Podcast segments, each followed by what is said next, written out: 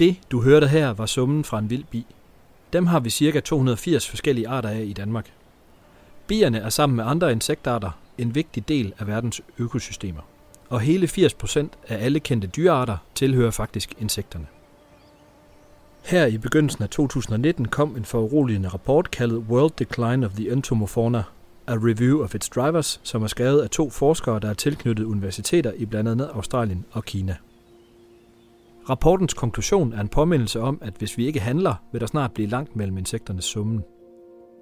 40% af verdens insektarter er i fare for at blive udryddet inden for få årtier, og de seksbenede er truet både på antallet af individer og arter. Det er især faldet i antal og i areal af de naturlige levesteder, som truer insekterne. Sikkes og Landbrug og Fødevare anerkender, at der nu skal gøres noget for at vende udviklingen, og på Plantekongressen i januar 2019 havde Sikkes sendt en delegation, der til netop dette event havde fokus på at fortælle om, hvad vi kan gøre for de vilde bier. I messens summende forhold mødte de deltagende landmænd specialkonsulent i Sikkes Andrea Oddershede, som fortalte, hvad man som landmænd kan gøre for at bevare de vilde biers levesteder. Og her kan du flyve med tilbage til januar 2019, hvor der var plantekongres i Herning.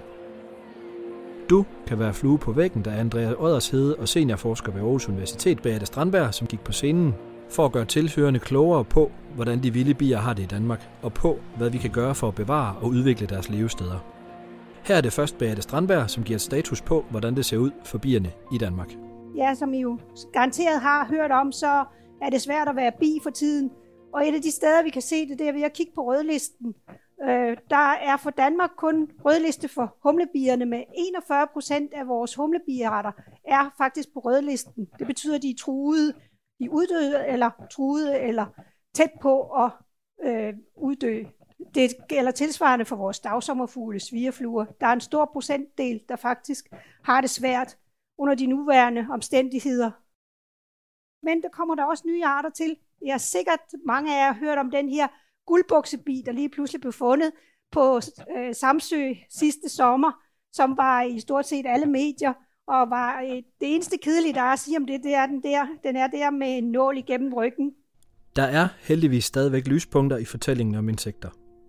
Ud over gulbuksebien blev kæmpebien Megachile Pluto fundet på en indonesisk øgruppe i februar 2019. Det var første gang i 37 år, at den blev dokumenteret, og man troede derfor, at den var uddød.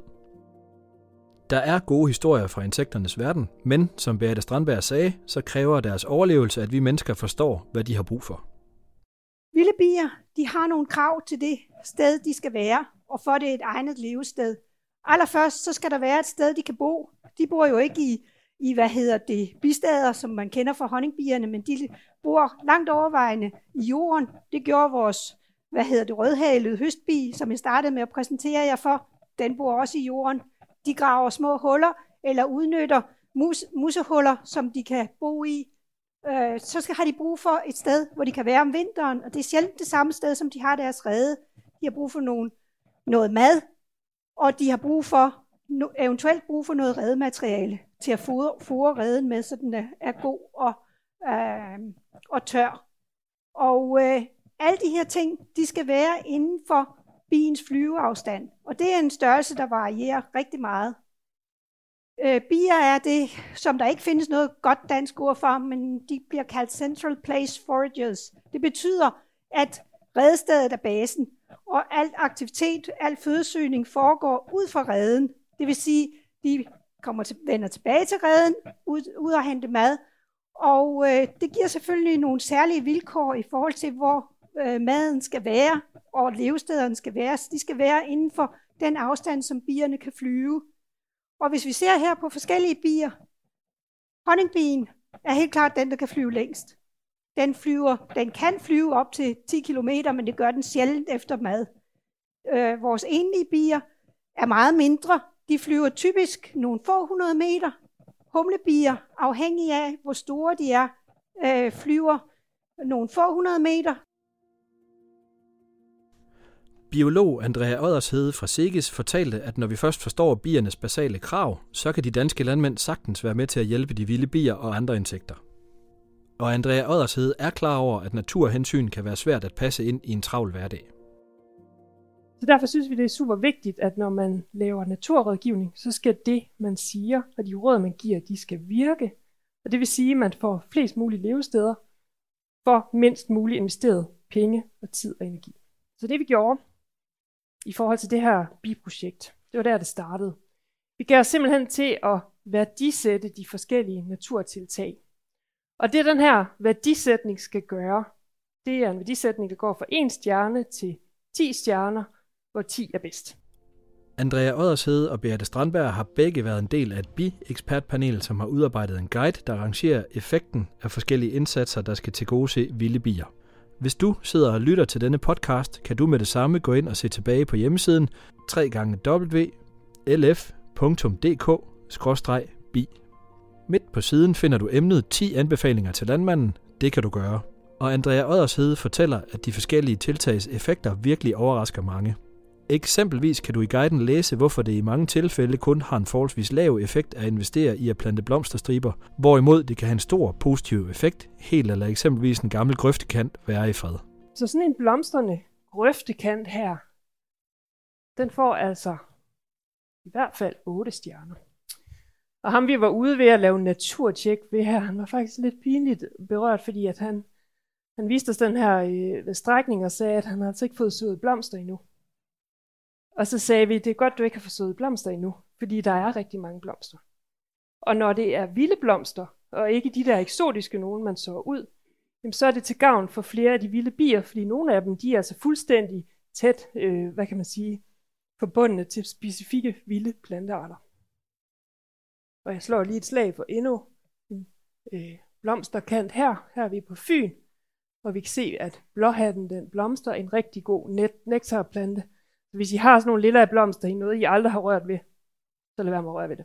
Andrea Oddershede nævner også gamle læhegn, sten og grenbunker som ting, hvor man faktisk til gode ser biernes vilkår bedst, hvis man lader dem være og ikke gør noget.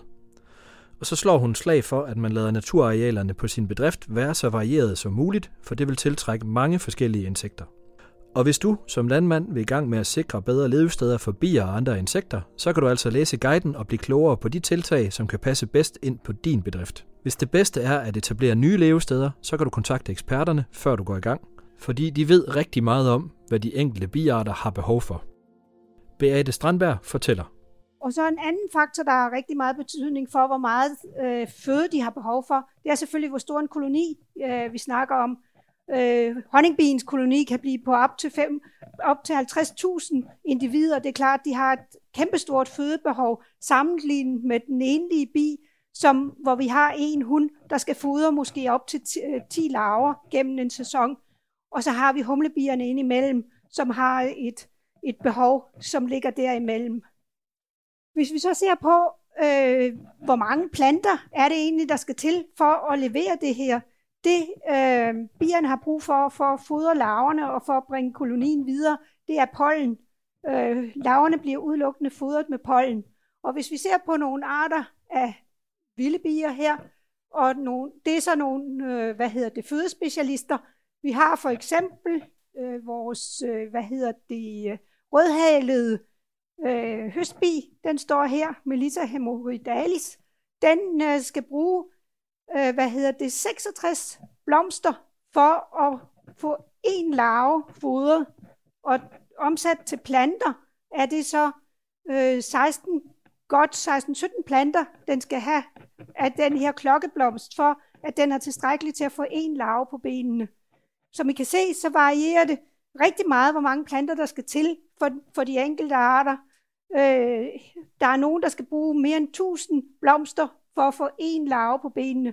Og i tillæg til det her er, der også så, er det faktisk sådan, at udnyttelsen af pollen er ikke 100%. Den er faktisk helt ned på en 40-50%, så man skal faktisk gange det her tal med to, for at vide, hvor mange blomster, hvor mange planter skal der egentlig til, for at bierne har tilstrækkeligt.